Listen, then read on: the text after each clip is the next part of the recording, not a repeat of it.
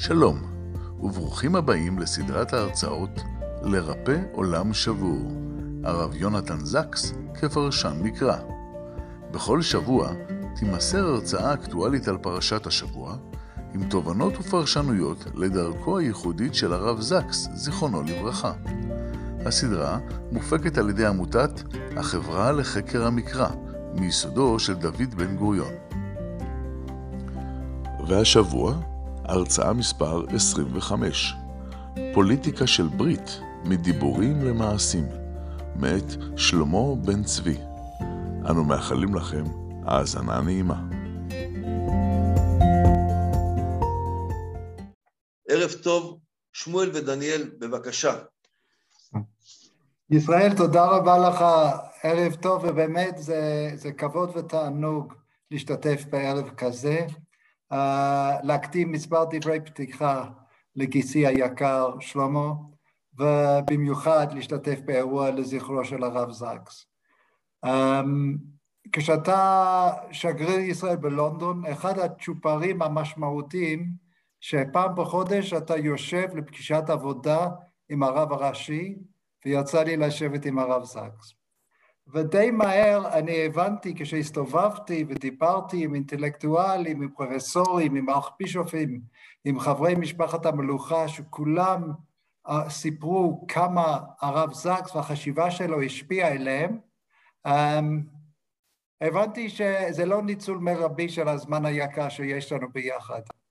אז אני הצעתי לרב, אז בואו אני אעשה מספר רישומים, שאנחנו יכולים לגמור את הביזנס מהר מאוד, ואז אנחנו יכולים אולי ללמוד יחד. והרב נענה ברצון רב, וכך נוצר מעין חברותה. את האמת, בהתחלה זה לא היה כל כך מוצלח, כי הרב זקס לא היה חברות הטבעית, או, או לפחות במקרה שלנו הפער היה גדול מדי.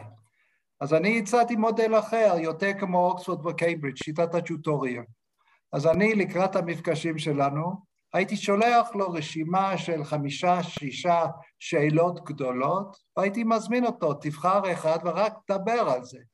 וכך יצא לי ליהנות מחוויה בלתי רגילה. ו- וכמובן דיברנו לא מעט על ישראל. והרב זקס היה באמת פברנטה ציוני, ממש ציוני נלהב. בשבילו ישראל הייתה נס יומיומי, אבל יותר מזה, זה היה הזדמנות. הזדמנות ליצור חברה ש, שנותנת ביטוי ליהדות בגרסה המלאה. באיזשהו מקום הוא כתב שרק בישראל, only in Israel can Jews live Judaism in anything other than an edited edition. רק בישראל יהודים יכולים לחיות את היהדות בכללותה ולא בגרסה ארוכה ומצומצמת. והוא אמר, רק בארץ ניתן היה בעצם לבנות מדיניות חקלאית, רפואית, כלכלית, ברוח התורה, ברוח הדאגה לחירות, לצדק, לקדושת החיים.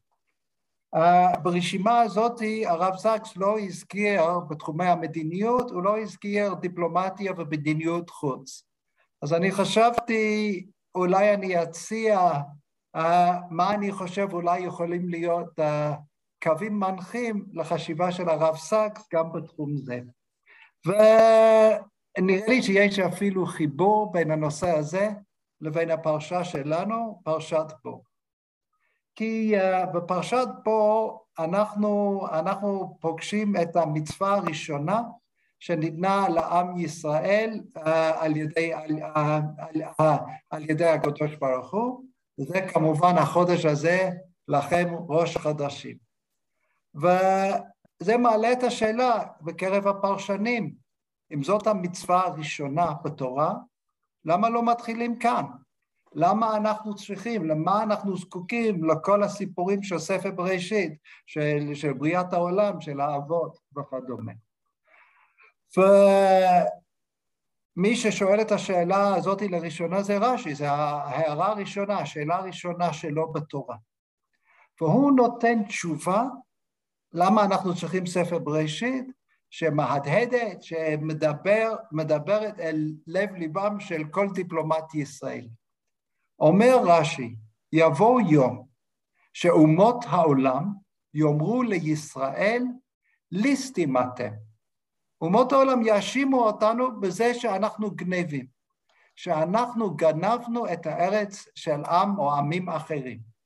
ואז הוא אמר, על סמך הסיפורים בספר בראשית, אנחנו יכולים לומר כל הארץ של הקדוש ברוך הוא היא, הוא בראה והוא נתנה לאשר ישר בעיניו, ברצונו נתנה להם וברצונו נטלה מהם ונתנה לנו.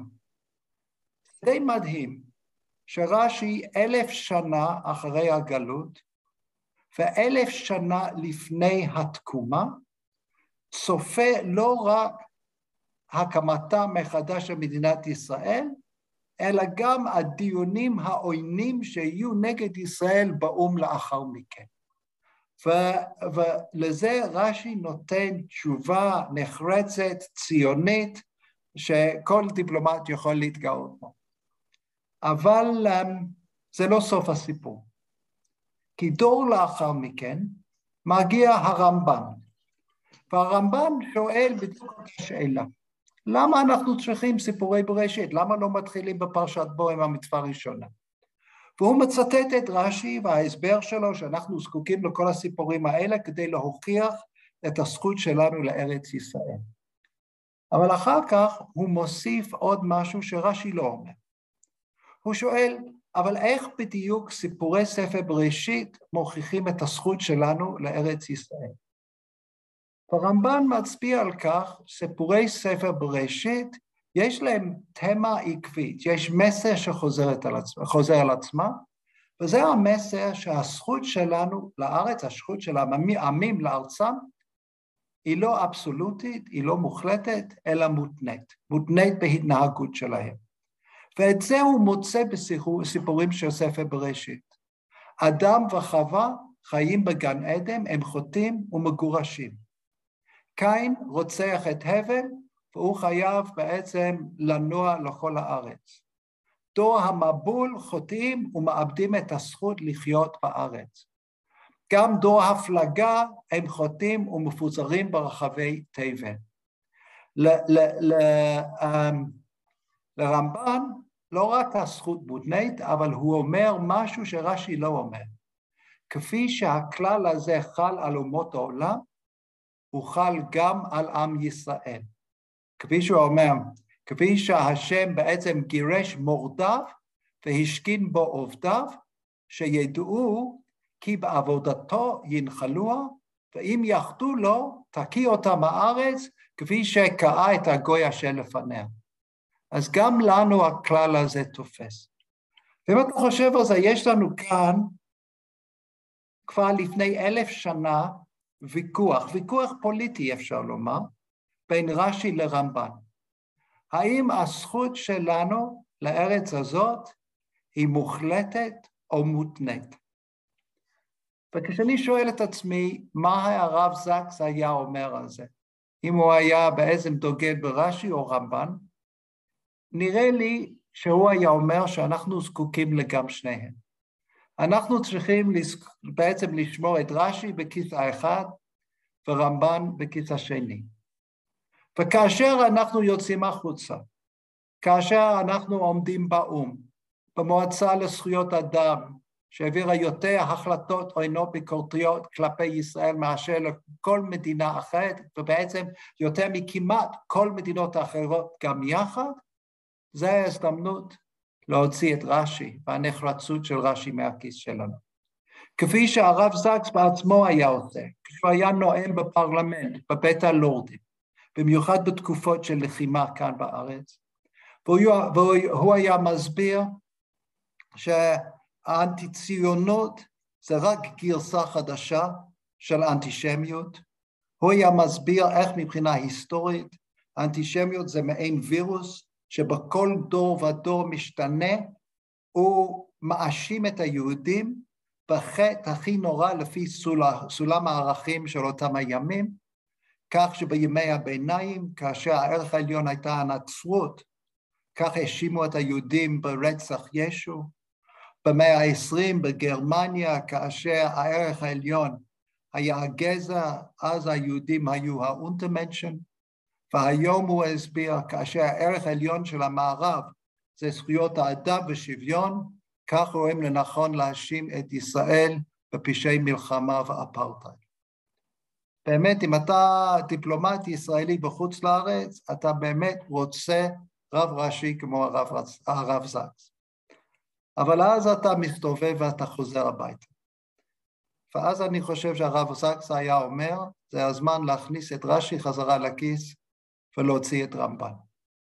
ולשאול את עצמנו אם באמת אנחנו בונים חברה שהיא ראויה. והוא כתב על זה. ובעצם בחשיבה שלו, ישראל בעצם ציונות, יש לה שני שלבים. השלב הראשון, זייניזם פייס 1, מה שהוא כינה, זה היה שהיהודים יקבלו חזרה מה שאיבדו ריבונות ומדינה. אבל גם התקווה שלנו, התקווה שלו הייתה שאנחנו נמשיך לפייס 2, לשלב השני של הציונות. אני אקרא שני מילי משפטים באנגלית, כי, uh, כי ככה זה כתוב. Zionism phase 2 must reappropriate what Jewry had even when it lacked a state, namely a profound sense of responsibility to the weak, the poor, the socially marginalized, the neglected, and the unheard.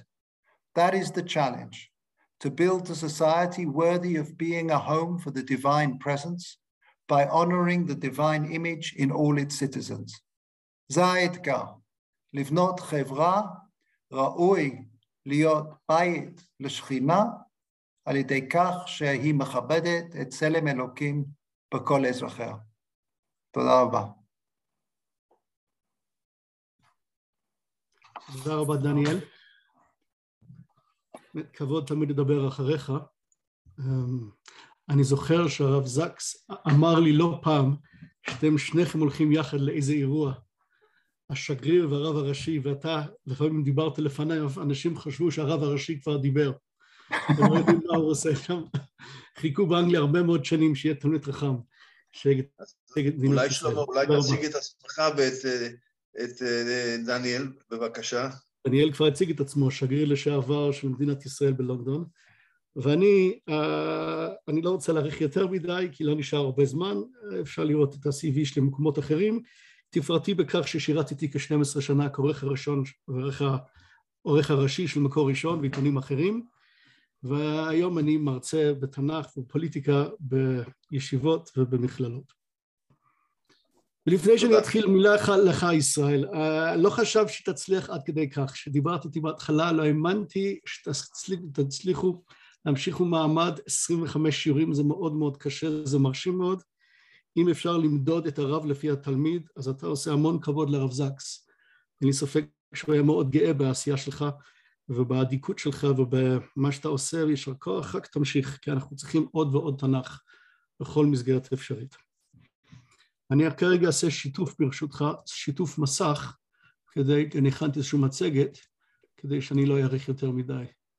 חכה שנייה. אתם רואים את התמונה של הרב זקס במצגת? כן. כן, רואים מצוין. תודה רבה. טוב, חברים, ערב טוב. הסיבה שהרב סקס קשור להיותי פה הערב הוא תרתי משמע. אחד, כמובן, זה הסדרה של ישראל, אנחנו ונהניתי מחלק לא קטן של השיעורים שהיו עד עכשיו. אבל הסיבה השנייה הוא שאני גדלתי עם הרב סקס יחד, הוא היה מבוגר ממני, הוא היה רב הקהילה שלי, כשאני הייתי בן נוער בגולדרס גרין, הוא היה הרב של הבית כנסת. והוא עודד אותי אז ללמד, להרצות, אז בין השאר, גם בגלל זה, אני יושב לפניכם הערב. אבל אז הוא עדיין לא היה הרב סאקס המפורסם, מחבר כל הספרים, והוא היה ידוע בעיקר כנואם בחסד עליון. מעט מאוד רבנים מסוגלים למשוך בני נוער לבית הכנסת כדי לשמוע את הדרשה שלהם, אבל כך הוא היה. ולבושתי אני זוכר בעיקר את הבדיחות ופחות את דברי תורה, אבל נמשכנו לשמוע אותו בבית כנסת. גם אז, בצעירותו, הוא היה דמות מאוד מיוחד וייחודי ביותר. ולכן דווקא אפשר לשאול על אדם כזה, עם יכולת סגנון כל כך מוערך, אדם שידע ושלט באנגלית, אני, לא מכיר אנשים שמתקרבים ליכולת הסגנונית שלו. עליו צריך לשאול, איך אתה רב סקס בחרת בכותרת כל כך מוזרה לאתר שלך, covenant and conversation. אז conversation אני מבין, שיג ושיח, ניו אייג'י מאוד, מי לא רוצה. אבל covenant, ארכאי כל כך, ממש לא מודרני, אפילו לא יהודי כל כך. למה בחרת בשם כזה אה, שיכלול את כל, את כל, כל, את כל ההגות שלך? וזה לא רק שם לכותרת, כותרת לאתר. אין ספר מאז, אני יודע מה, כבר 25 שנה, אין ספר שהוצאת שעמוד השדרה של הספר, התזה המרכזית, היא לא ברית, היא לא קווננט. למה קווננט היה כל כך חשוב לך? מה זה אמר לך? אני חושב שהתשובה היא יחסית פשוט. הרב זקס כל חייו עסק בשאלה של זהות יהודית בדורנו. והוא הרגיש שהשאלה איננה צריכה להיות כפי ששואלים כל הזמן מיהו יהודי, כי בזה כל שבט ושבט בעם היהודי, החילונים, המסורתיים, החרדים, הדתיים, לכל שבט יש תשובה משלו. ואין סיכוי שנגיע לתשובה יותר מאשר טכני ביחד. אבל הוא הרגיש שזו לא השאלה הנכונה. לא השאלה מיהו יהודי צריך להעסיק אותנו, אלא השאלה מיהו העם היהודי.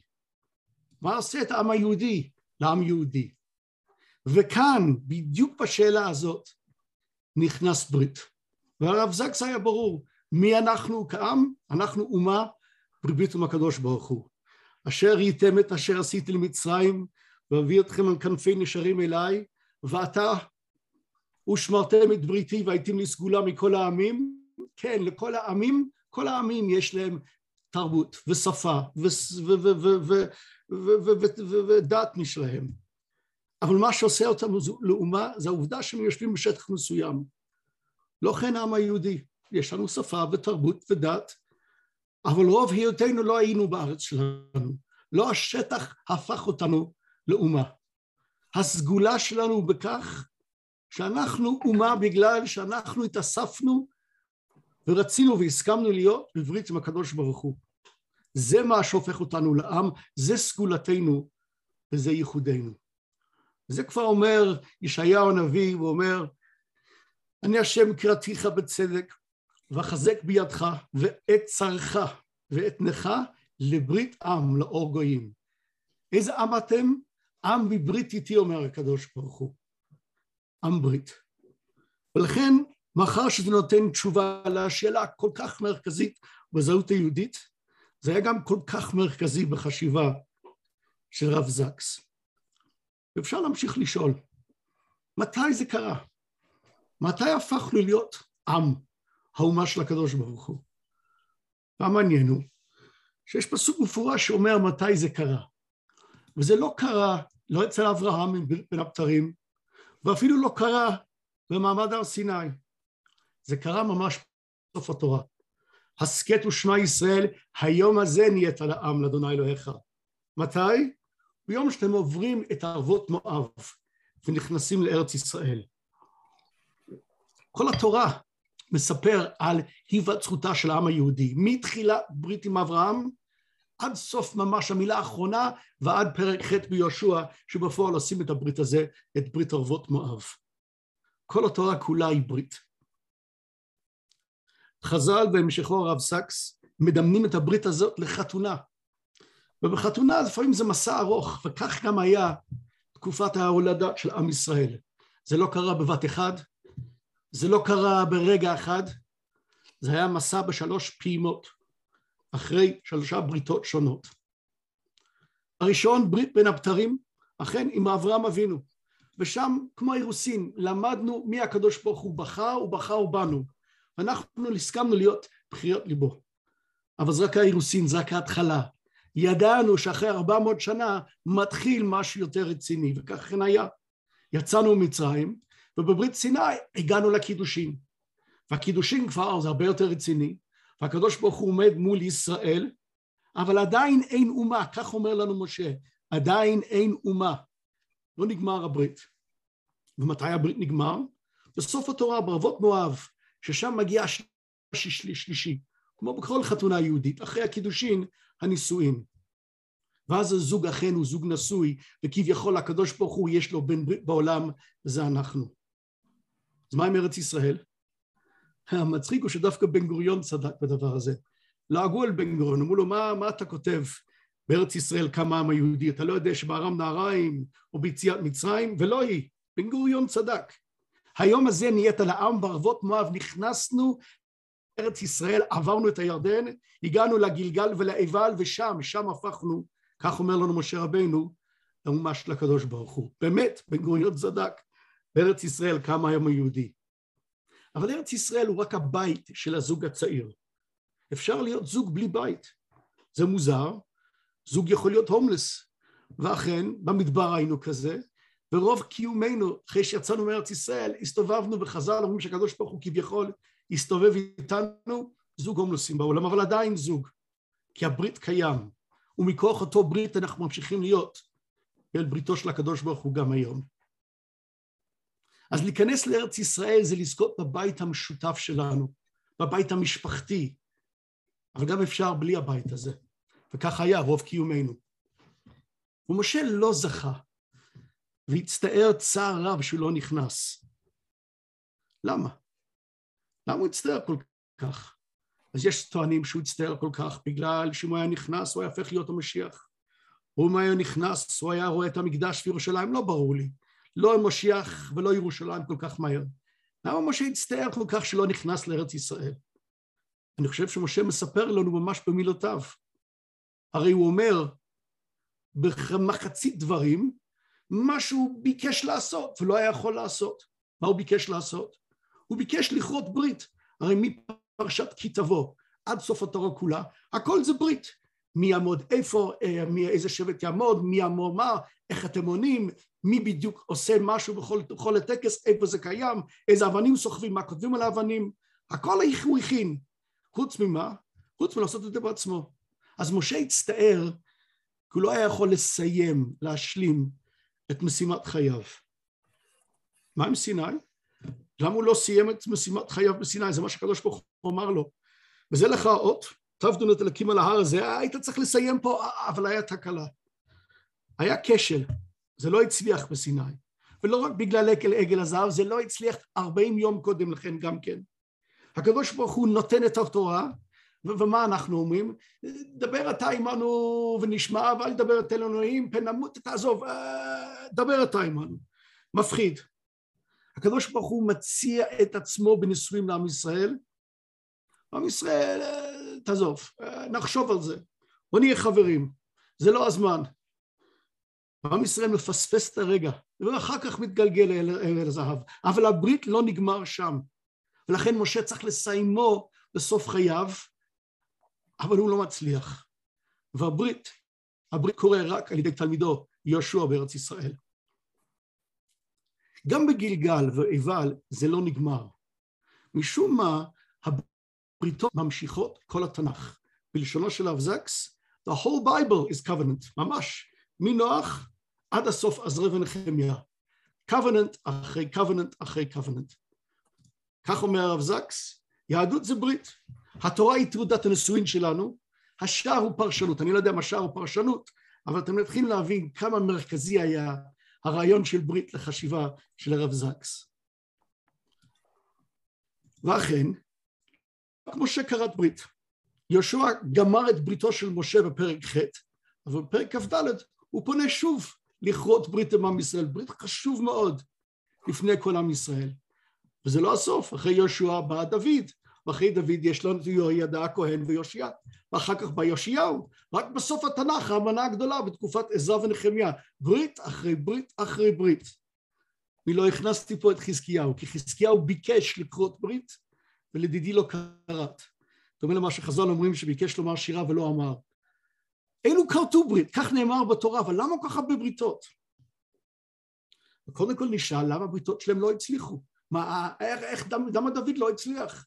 למה יאשיהו הצדיק לא הצליח? למה רק האמנה הגדולה הצליחה לסגור את התנ"ך וכביכול להצליח? והתשובה לשאלה החשובה הזאת יחסית פשוטה. ברית צריך להיות ממש דבר אינטימי. בין שני אנשים, בין כלה לבין חתן. שומעים זה מול זה ומבינים מה המשמעות של המחויבות שהם נכנסים אליו יחד. אבל כל הבריתות האלו שנמצאים פה, תמיד היה מישהו באמצע. תמיד היה איזשהו שדכן, איזשהו מקרב, איזשהו נציג. הקדוש ברוך הוא לא רוצה נציגים. הקדוש ברוך הוא לא רוצה בריתות עם מישהו באמצע. הקדוש ברוך הוא רוצה בעיקר ברית עם העם שלו, עם כל העם שלו. ולכן אם יהושע זה היה מול יהושע והזקנים, יפה, אבל לא. דוד המלך, דוד המלך, ולא מספיק. יהודיה זה היה עם הכהני גדול וכהנים, ויאשיהו היה שרי יהודה וירושלים, היינו קוראים לזה אריסטוקרטיה, וזה לא מספיק. עד שאנחנו מגיעים לעזרא ונחמיה, ושם, בפרק ח' ונחמיה, עזרא איכשהו נעלם מהסיפור. נחמיה בקושי נמצא. העם לוקח את ההובלה.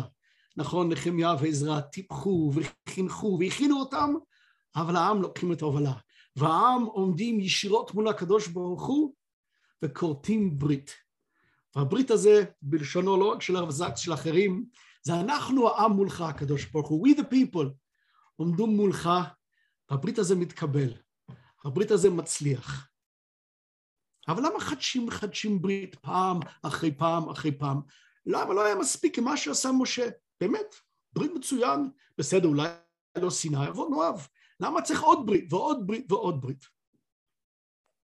הרב זקס למד את העניין שלו בברית, גם מרב סולובייצ'יק, אבל בעיקר מהפרופסור הרב דניאל אלעזר, זיכרונו לברכה, אדם שהגיע לירושלים, הקים מכון חשוב מאוד בירושלים, וכל חייו עסק בחקר הברית במקרא ובהיסטוריה היהודית, כתב ספרים רבים בנושא, רב זקס למד את הספרים האלו, אני למדתי, אני הצלחתי לדבר עם רב זקס על הדברים, אבל ממנו הוא קיבל את עיקר תורת הברית. ודניאל אלעזר שואל את השאלה הזאת, הוא שואל למה כל כך הרבה פעמים בתנ"ך חוזרים פעם אחרי פעם אחרי פעם על מעשה הברית. וזה לא משהו תיאורטי, זה משהו מעשי. עוד פעם כורתים ברית עם השם, עוד פעם כורתים ברית עם השם, למה אפשר להסתמך על מה שעשה משה? למה צריך כל הזמן לחזור לחדש ברית? והוא עונה כך, הוא אומר שכל פעם שעם ישראל משנה את מבנה הפוליטי שלו, הוא צריך לחדש את הברית. נשמע מוזר. הוא אומר, עם ישראל לא מקבל מהתורה הכתבה איך צריך להיות המבנה הפוליטי, המשטר הפוליטי, שבו הוא מנהיג את עצמו. הוא יכול לבחור מלוכה כפי שבחר, קונפדרציה של שבטים, הוא יכול לבחור רפובליקה כמי שהיה קצת באנשי כנסת הגדולה, הוא יכול לבחור באריסטוקרטיה, הוא יכול לבחור במה שהוא רוצה. אבל אחרי שהוא בחר, כל משטר וכל מבנה פוליטי שהוא בוחר, הוא צריך להכניס בו את ה-DNA של דרך השם, שהיא לעשות צדקה ומשפט בעולם, וכל מבנה ומבנה יש לה יתרונות וחסרונות. מה זה קשור לכריתת ברית?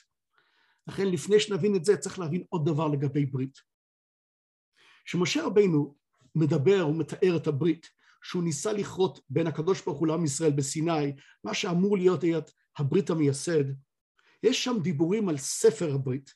נאמר ויקח משה את ספר הברית ויקרא באוזני העם הוא אמר כל העם נעשה ונשמע ואחר כך לקח דם הברית ואמר אלו דברי, אלה דם הברית וכולי. המחילתא שואל מה זה הספר הברית? והתשובה המרכזית של רבי ישמעאל בר על מחילתא הוא ספר הברית פרשיות בהר ובחוקותיי. בתחילת בהר נאמר מפורסם בהר סיני לאמור באמצע בחוקותיי בסוף הפרשייה נאמר אלה החוקים המשפטים והתורות אשר נתן אדוני בינו ובין ישראל בהר סיני ביד משה הר סיני הר סיני באמצע זה ספר הברית. מעניין? מה יש בפרשיות בהר ובחוקותיי? אני אגיד לכם מה אין. אין כשרות, אין מועדים, אין קורבנות, אין עריות, אין את כל הדברים שאנחנו רגילים למצוא בתורה. מה יש? רק דבר אחד, ניהול חברה ומדינה, גאולת קרקע, חופש לעבדים, דרור לכל יושביה. מסתבר שהספר של הברית, המהות של הברית, מדבר אך ורק כמעט על מדיניות ציבורית, איך לבנות ולנהל משטר, איך לבנות ולנהל מערך פוליטי לכשיהיה לנו ממשל, ממשל משלנו. ולא היה לנו הרבה מאוד שנים ושוב זכינו. הברית עוסק בפוליטיקה, בהנהגת הכלל, ולכן כל פעם שאנחנו רוצים להתחיל סוג פוליטיקה חדשה, סוג מבנה, כל פעם שאנחנו בוחרים בשיטת ממשל אחר, אנחנו צריכים לבוא לבעל הברית שלנו, להגיד לקדוש ברוך הוא, עד עכשיו הלכנו ככה, כי רצינו שהברית שלנו יתקיים במבנה הזה. עכשיו אנחנו הולכים, נגיד, פעם היינו מונרכיסטים עם מלוכה, עכשיו אנחנו רוצים, אני יודע מה, אריסטוקרטיה. אבל עכשיו אנחנו רוצים לבוא ולהתחייב מחדש, להגיד כפי שהיינו נאמנים לדרך, ליעד, לחזון המשותף, במשטר ההיא, גם במשטר הזה אנחנו נהיה נאמנים לחזון, ליעד המשותף, ולכן מחדשים את בריתנו. לכן מחדשים סוג, שוב ושוב, את הברית שלנו עם הקדוש ברוך הוא. לכן במעבר מיהושע לדוד, מקונפדרציה שבטית למלוכה, מדוד לכהונה, מכהונה לאריסטוקרטיה או מאריסטוקרטיה לרפובליקה כביכול של אנשי כנסת הגדולה, כל פעם צריכים, צריך לחדש את הברית, להגיד הקדוש ברוך הוא, אנחנו איתך, אנחנו מייצגים אותך בעולם, ועכשיו המבנה החדש שבחרנו, אנחנו נכניס פנימה את הרעיון של משפט וצדקה, את דרך השם, הסיבה שבגללו אתה חברת אלינו, קראת איתנו ברית. למה ברית כל כך חשוב? כי זה אומר לעם ישראל מי הוא. מי הוא העם היהודי? עם שנמצא בברית עם הקדוש ברוך הוא.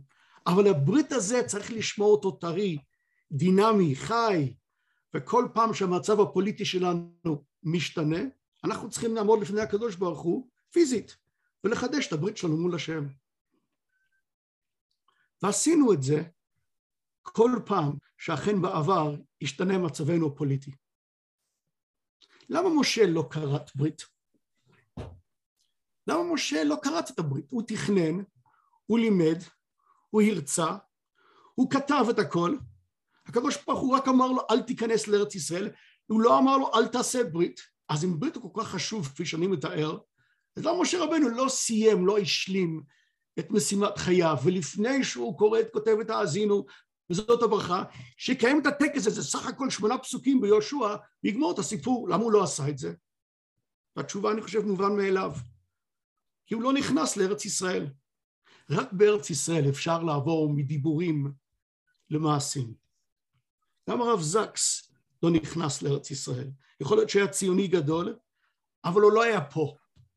ולכן כמו משה הוא תכנן, והוא לימד, והוא הרצה, והוא כתב, אבל הוא לא עבר לעשייה, הוא לא עבר את ערבות מואב ונכנס לארץ ישראל. בכל פעם שחזרנו לארץ ישראל, וחזרנו, אנחנו פעם השלישית חוזרים, אברהם הגיע, ואז יהושע חוזר, ביאה ראשונה, עזרא ונחמיה והציונות, אנחנו חוזרים לארץ ישראל, שבים לארץ ישראל כל פעם, כל פעם המצב הפוליטי הוא קצת אחר.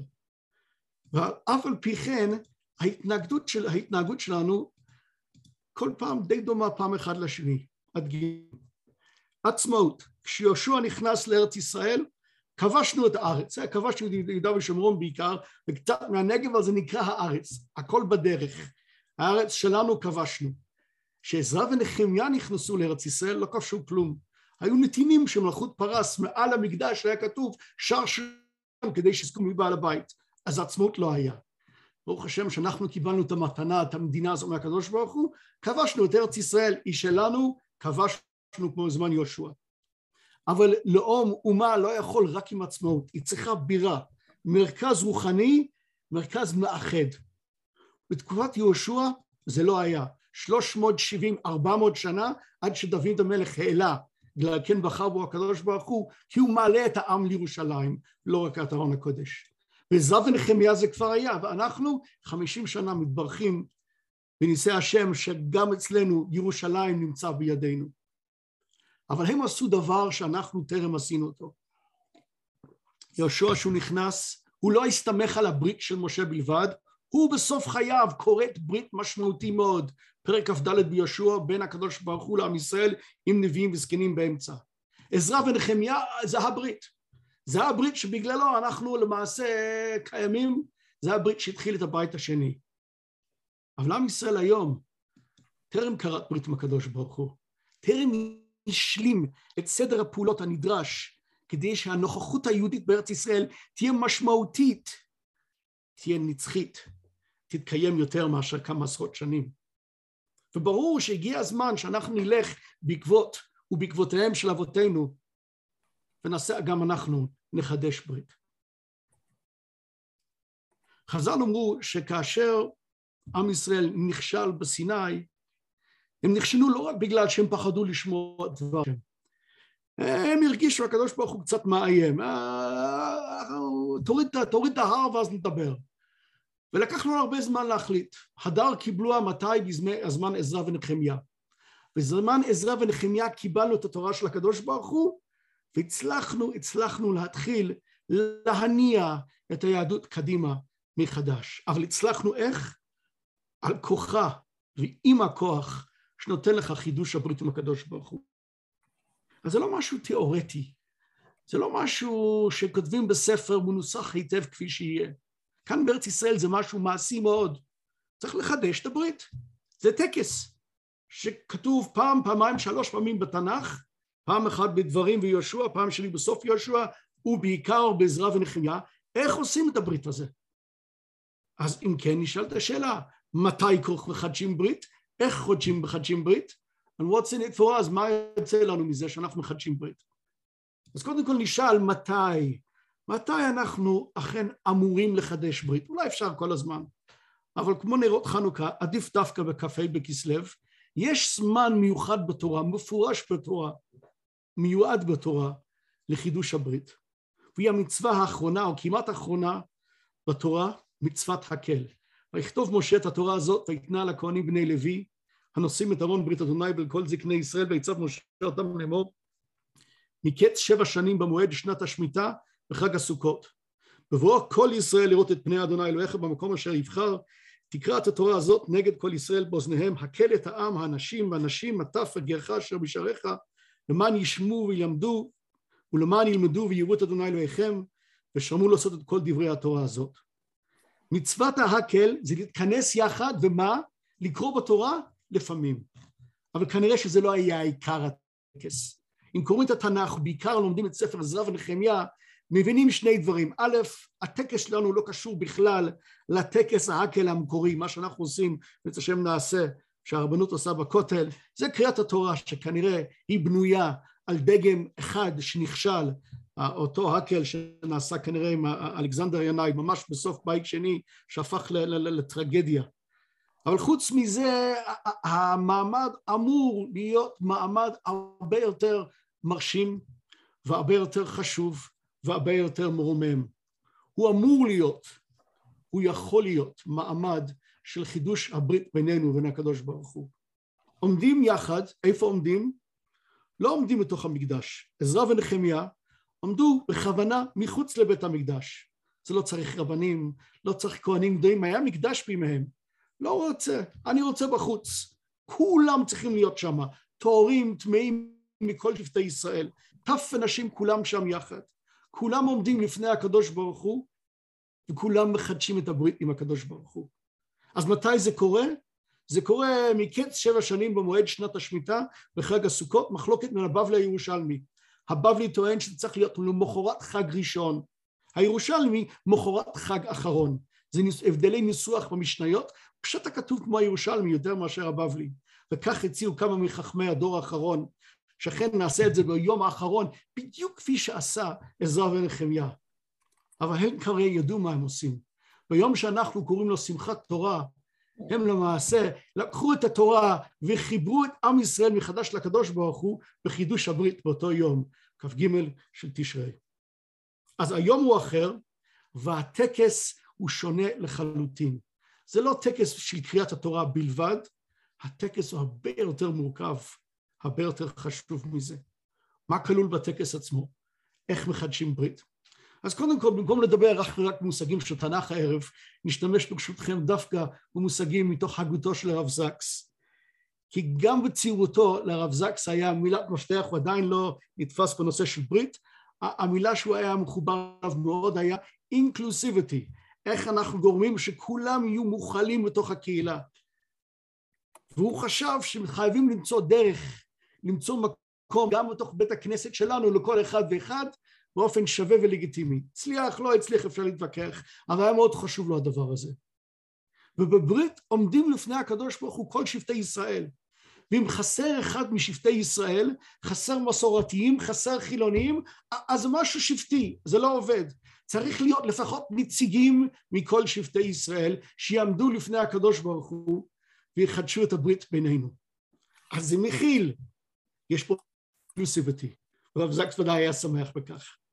אבל זה לא מספיק. הדבר הראשון שיש בכל ברית, ויש שלושה חלקים בכל חידוש ברית, מעמד חידוש ברית בתנ"ך, הוא החלק הארוך יותר. הסיפור שלנו, ה-story. רב סקס היה מדגיש פעם אחרי פעם שעם ישראל הוא מוכשר בעיקר בלספר סיפורים. עם של מספרי סיפורים. וכאן אנחנו מספרים את הסיפור החשוב ביותר. הסיפור על איך אנחנו, הקדוש ברוך הוא, חיים יחד כל כך הרבה שנים. כמו שזוג הורים מספר לילדים שלהם באיזה יום נישואין, אתם יודעים איך יצאנו ביחד, היו עליות וירידות, ובסוף ברוך השם אנחנו פה ואתם נכדיי וילדיי. כך עם ישראל מספר בתחילת כל הברית, חוזרים אחורה לארמי עובד אבי, ומתחילים לספר את הסיפור שיצאנו ביחד עם הקדוש ברוך הוא, ואנחנו עשינו כך, והוא עשה כך, בדרך כלל אנחנו לא היינו טובים, הוא אף על פי כן היה טוב, והוא גילה אותנו והחזיר אותנו, אה, אה, בסוף אנחנו מגיעים לאתמול. אנחנו סוף סוף יודעים מי אנחנו, כי חיברנו את הסיפור שלנו לסיפור אבותינו. זה החלק הראשון של הברית, הנרטיב שלנו, הסיפור שלנו שמחבר אותנו למה שיש מאחורינו, לעבר שלנו. ואז בא החלק הכי כבד של הברית, החלק שיש פה שני, אולי שני חלקים נפרדים. בראשון יש ברכות וקללות. תדעו לכם שעל הסכמה שאני הולך לבקש מכם עכשיו להיכנס להיות בני ברית שלי, זה רציני ביותר. אם תעשו אותו, ברכות. אם לא, ממש לא. ממש הפוך מברכות. והקללות זה פסוקים אחרי פסוקים, וככה מופיע גם ביהושע וככה מופיע גם בעזרא ונחמיה. תעשו, תקבלו, לא תעשו, אוי ואבוי לכם. כי ההחלטה לעשות, ההחלטה שלכם להיות בני בריתי, זה דבר רציני מאוד עם משמעות. ואנחנו צריכים לשמוע, להבין, ואז מגיעים לחלק המהותי השני, אנחנו מסכימים. קונסנט, הסכמה שלנו. לא שאני אהיה דתי בגלל שאבא שלי היה דתי, או החברים שלי, המורים שלי בבית ספר, או הקהילה, הכל טוב יפה. אני, אני לקחתי לעצמי להסכים להיות בן בריתו של הקדוש ברוך הוא, לכן אני מחויב. כמה פעמים הרב זקס חזר לרעיון שבעת שלנו האדם חייב להיות מחויב אישית. וכדי להיות מחויב אישית, אתה צריך את ההסכמה שלי. זה לא כאן שאמר את זה, זה הקדוש ברוך הוא לא היה מוכן לגמור איתנו ברית. עד שאנחנו אמרנו בפה מלא, לא בגלל שיש לנו הר מעל הראש, כן כן כן אנחנו מסכימים, ואז אז נסגר הברית, הדר קיבלוה בזמן עזרא ונחמיה. וזה החלק השני, ואז חותמים על הברית, כפי שעשה משה, כפי שעשה יהושע כנראה על האבנים, וכפי שעשו אכן עזרא ונחמיה במגילת האמנה הגדולה.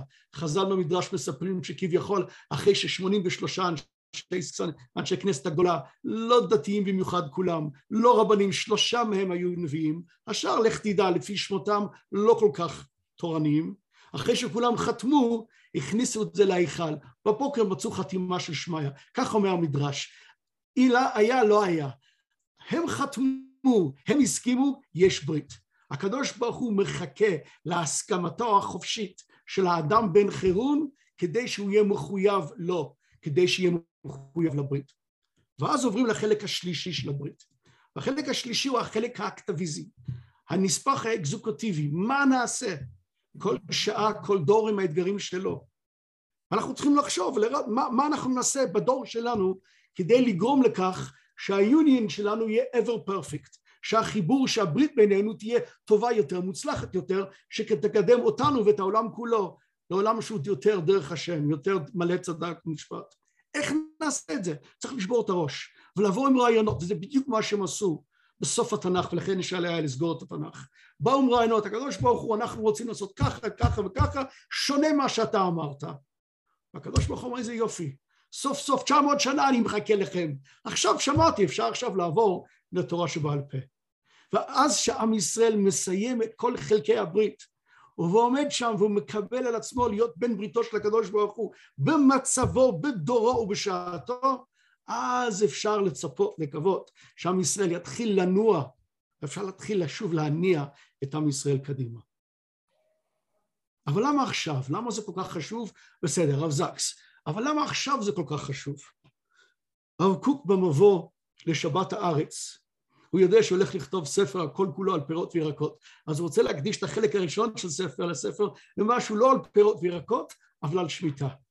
הוא כותב בחיבורו כמבוא לשבת הארץ, ספר ראשון נדמה לי שהוא פרסם בארץ ישראל, שהשמיטה מיוחדת כי השמיטה לאומה היא כמו השבת ליחיד.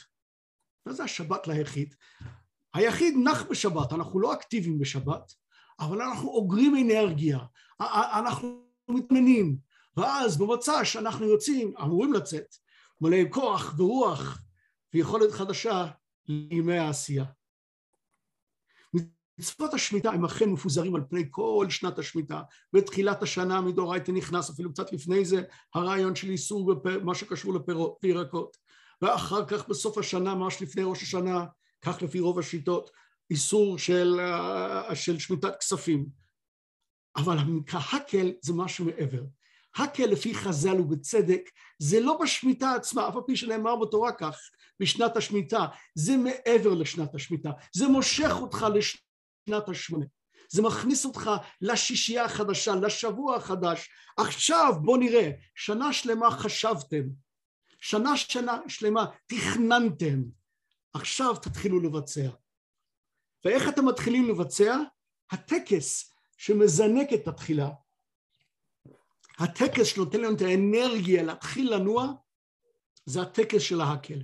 זה טקס של חידוש הברית. וכאן בדברי, שוב, הרב זקס, ממש בספרו האחרון, נראה לי באחד מהעמודים האחרונים, covenant הוא אומר, does not in itself suggest a larger or smaller state.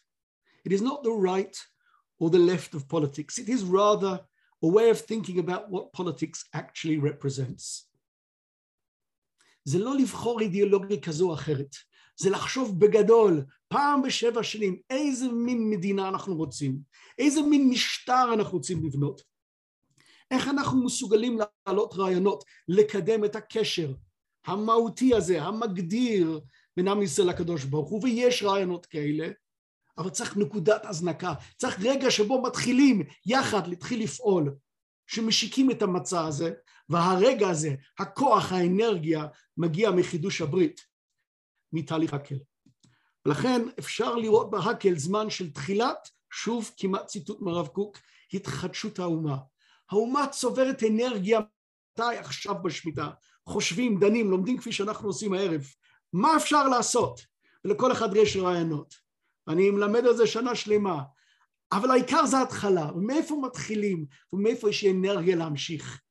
מתחילים בהקל וממשיכים מחידוש הברית, ומכוח הברית אפשר להתקדם עוד ועוד. What's in it for us? מה יוצא לנו מכל הסיפור הזה? מחדשים ברית. ואז מה?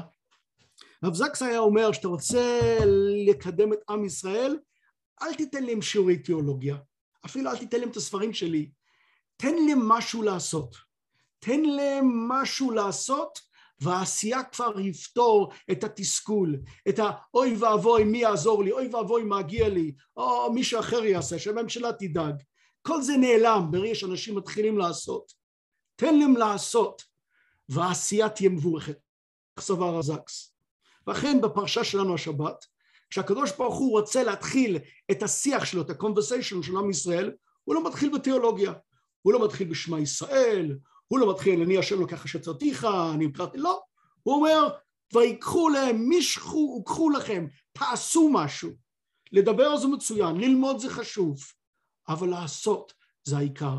וכשהוא רוצה לסיים את הגאולה בקריאת ים סוף שבוע הבא, הוא יגיד לעם ישראל, מה תדבר אליי, אל תצעק אליי יותר. דבר בני ישראל וייסעו, תתחילו לעשות. ואם זה נכון שם על ער קריאת ים סוף, קל וחומר זה נכון פה בארץ ישראל.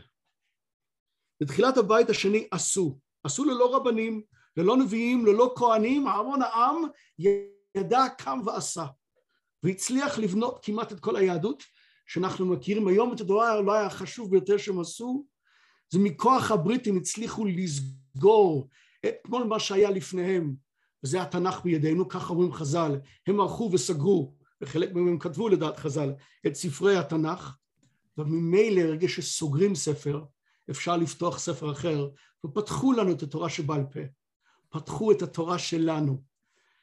הברית נותן לנו כוח לא רק לספר את הסיפור שלנו, לא רק להגיע להסכמה שלנו להיות בני בריתו של הקדוש ברוך הוא, אלא גם נותן לנו את האפשרות להניח על מצע ההיסטוריה את התורה שלנו, להגיד הנה זו התורה שלנו, זה מה שיש לנו להגיד, זה לא פרשנות על מה שהיה בעבר, זה בנוי על, זה מסתמך על, זה מתוך חיבה והערכה ואהבה, אבל זה שלנו. ואת זה אנחנו כבר רוצים ליישם בשטח, כי אנחנו חזרנו, אנחנו רוצים לחדש את המבנה. הרי לא היה לנו מעבר סוג המבנה הפוליטי שיש לנו היום. היום זה אחרת. על המבנה החדש הזה אנחנו צריכים לכרות ברית בקדוש ברוך הוא, ולהגיד הנה הגענו הקדוש ברוך הוא, וכך וכך אנחנו רוצים לעשות כדי שהמדינה שלנו תהיה מדינה לתפארת, כדי שאתה תמשיך להתגאות בנו ותרצה בנו כפי שעשית כל ההיסטוריה כולה. זו התורה שלנו. והרב זקס האמין שאכן עם ישראל מסוגל לא רק לשמוע את המסר הזה, אני מאמין שהוא חשב שעם ישראל מסוגל לעבור את הירדן וגם לבצע.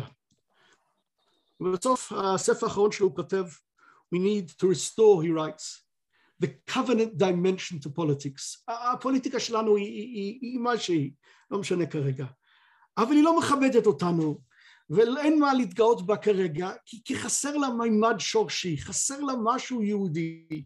אם בכל תחום ותחום עם ישראל מסוגל להיות חדשן, בביוטק, בסייבר, מה שאתה לא רוצה, אבל בתחום שאנחנו הכי מומחים בו, בצדקה ומשפט, אנחנו כרגע כל כך חלשים, כל כך מחייקים אנשים אחרים, לא יודעים לחדש, לא יודעים להביא בשורה או ברכה לא לעצמנו ולא לעולם.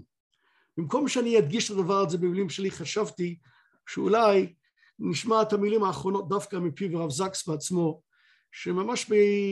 אני אומר, בשבועות האחרונים של חייו, בקולו חלש ושברירי, כפי שאף פעם לא שמעתי אותו, הוא הקריא את הספר שלו, והוא התחיל בהשוואה, זה סוף הפרק שבו הוא משווה בין ברית לבין, ברית לבין חוזה, וכך הוא אומר על ברית במילים שלו.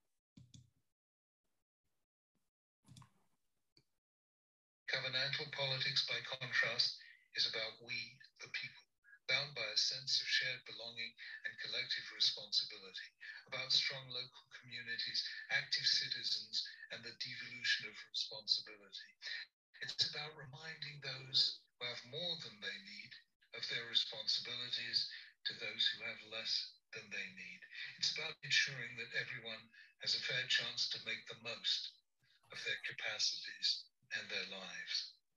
One of the great historical lessons is that societies become strong when they care for the weak. They become rich when they care for the poor. They become invulnerable when they care for the vulnerable. That is the beating heart of the politics of covenant. My firm belief is that the concept of covenant has the power to transform the world. שמעתם את זה בקולו.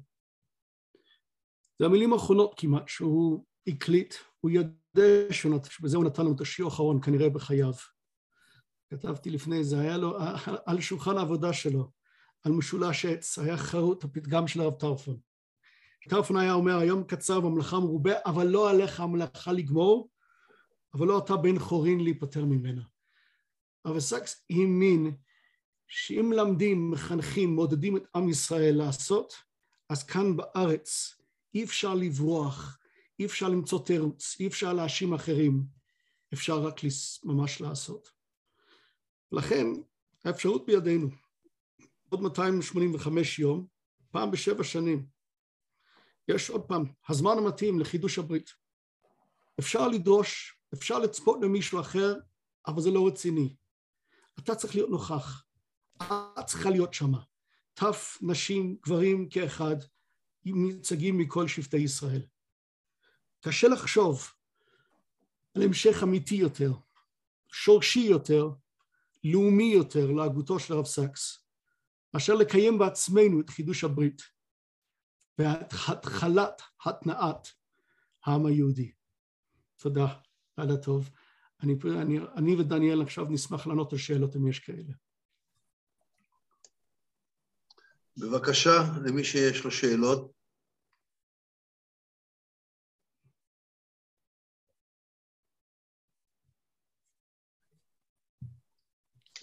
אם אין שאלות, אנחנו נסגור את השידור. אין שאלות. אז תודה רבה לכם, ולילה טוב, כל טוב. תודה רבה, דניאל, תודה רבה, ישראל. תודה רבה, דניאל, תודה רבה, תודה רבה. שלמה. בבקשה, כל טוב, לילה טוב. תודה רבה, לילה טוב. המון תודות, היה מקסים. תודה. יישר